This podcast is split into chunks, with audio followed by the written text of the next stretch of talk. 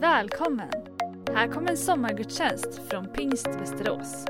Vi är en öppen kyrka med hjärta för människor.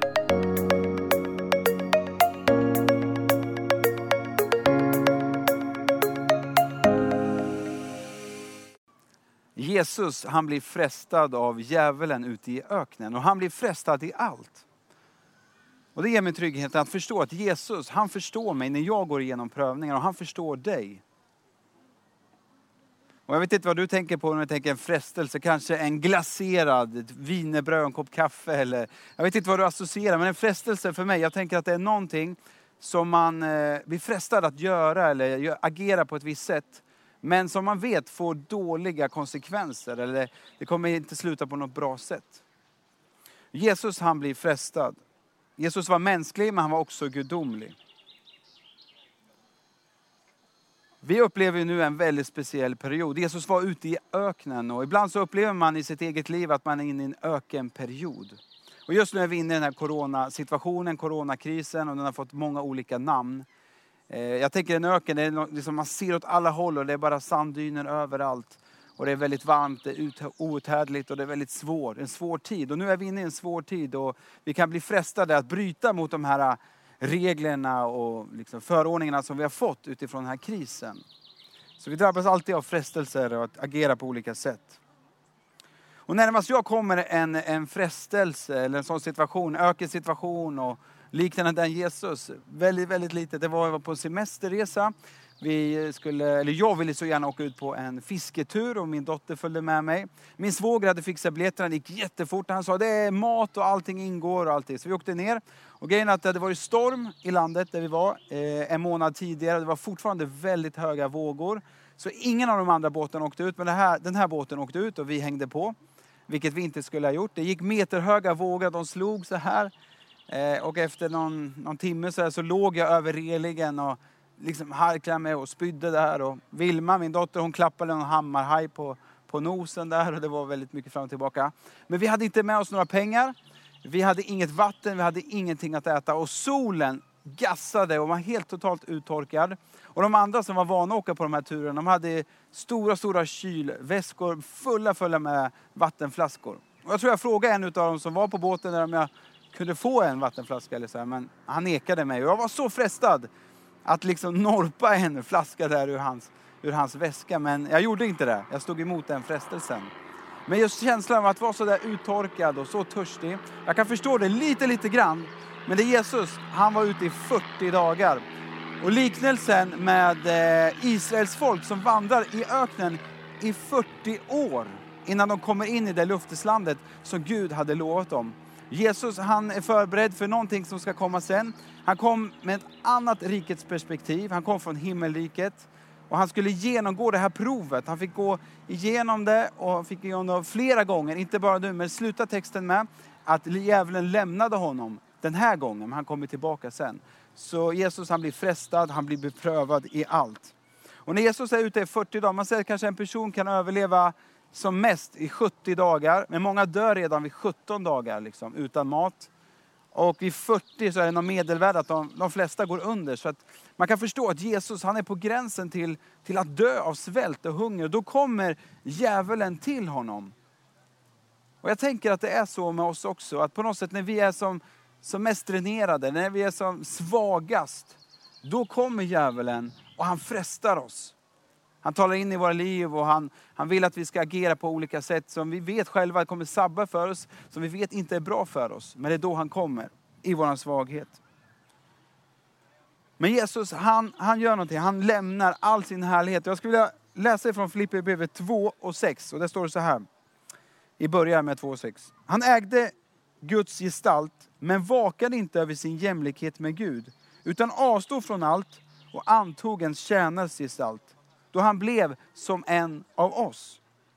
När han till det yttre hade blivit människa gjorde han sig ödmjuk och var lydig ända till döden, döden på ett kors.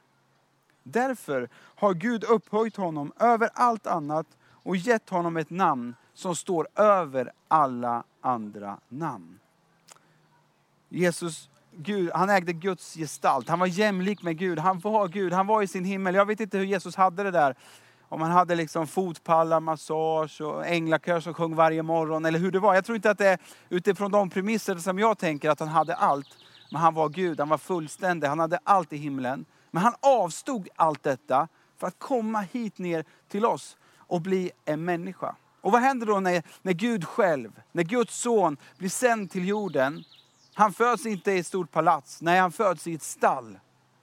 Och när han ska rida in i Jerusalem så är det inte på en vacker vit häst som kungen gjorde på den tiden, utan det är på en åsna. Han hade ett annat rike att komma med. Han blev som en av oss. Och han kom och tog en tjänares gestalt.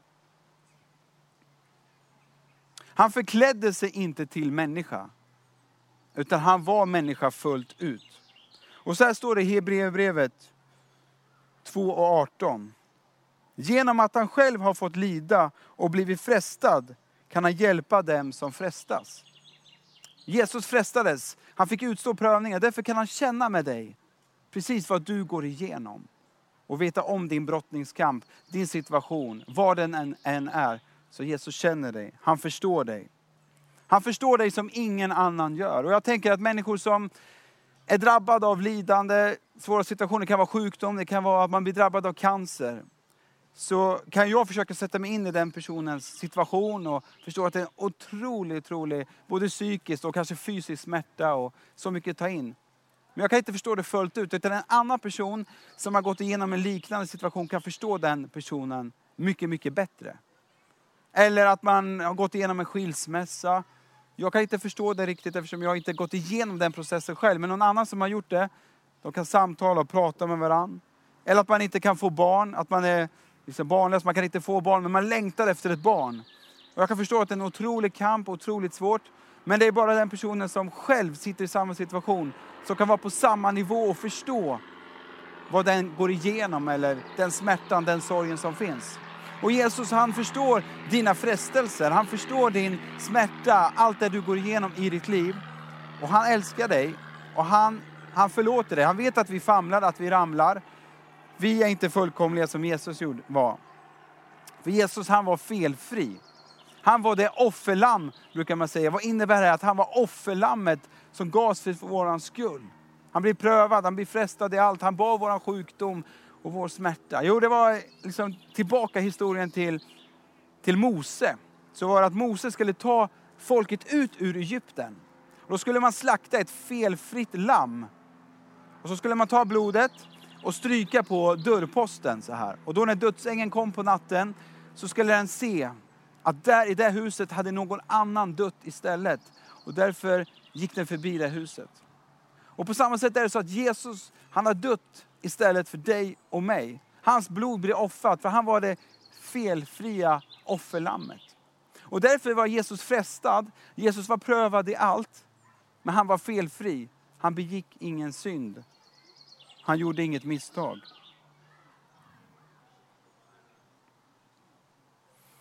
Jesus han citerar också Satan, Satan, han pratar med djävulen Satan och citerar skriften, ordet, Bibeln. Jag tänker att du och jag på samma sätt kan läsa Bibeln, fördjupa oss, vara nära han. Kom till kyrkan, nu är den digital, men kom till kyrkan, var nära honom. Eh, så att du, har, att du är uppfylld med Guds ord när frestelserna, när prövningarna kommer. Så här står det i Lukas 18.27. Det som är omöjligt för människor är möjligt för Gud. Så om du upplever att din situation är omöjlig, och det kan den vara mänskligt sett, men för Gud är det möjligt. Han gör oss fria från fruktan. Så här står det i Saltaren. Jag sökte mig till Herren och han svarade mig och han befriade mig från all fruktan. Han har lovat dig att ge visdom. Bibeln säger så här i Jakobsbrevet. Om någon av er brister i vishet skall han be till Gud som ger åt alla utan förbehåll och förbråelser och ni ska få allt vad ni ber om. Han har lovat att vara med alla dagar in till tidens slut, att aldrig överge dig. Era prövningar har inte varit övermänskliga, står det i Korinthierbrevet 10.13. För Gud är trofast han ska inte låta er prövas över er förmåga. När han sänder en prövning visar han också en utväg så att ni kan komma igenom den. När du och jag utsätts för prövningar så vill Gud kanske hjälpa dig att stänga en dörr så att du kan gå in i en annan. Han ser dina behov, han ser dina svårigheter, vad du utsätts för. Han känner med dig för han är 100% Gud. Han är 100% människa, men han är också 100% närvarande. Bara du låter honom få komma in i ditt liv. Gud älskar dig och Gud välsignar dig. Amen. Du har lyssnat på en sommargudstjänst från Pingst Västerås. Har du frågor om församlingen eller vill veta mer om kristen tro kan du gå in på vår hemsida, vasteras.pingst.se. Kolla också gärna in vår Youtube-kanal, Pingst Västerås.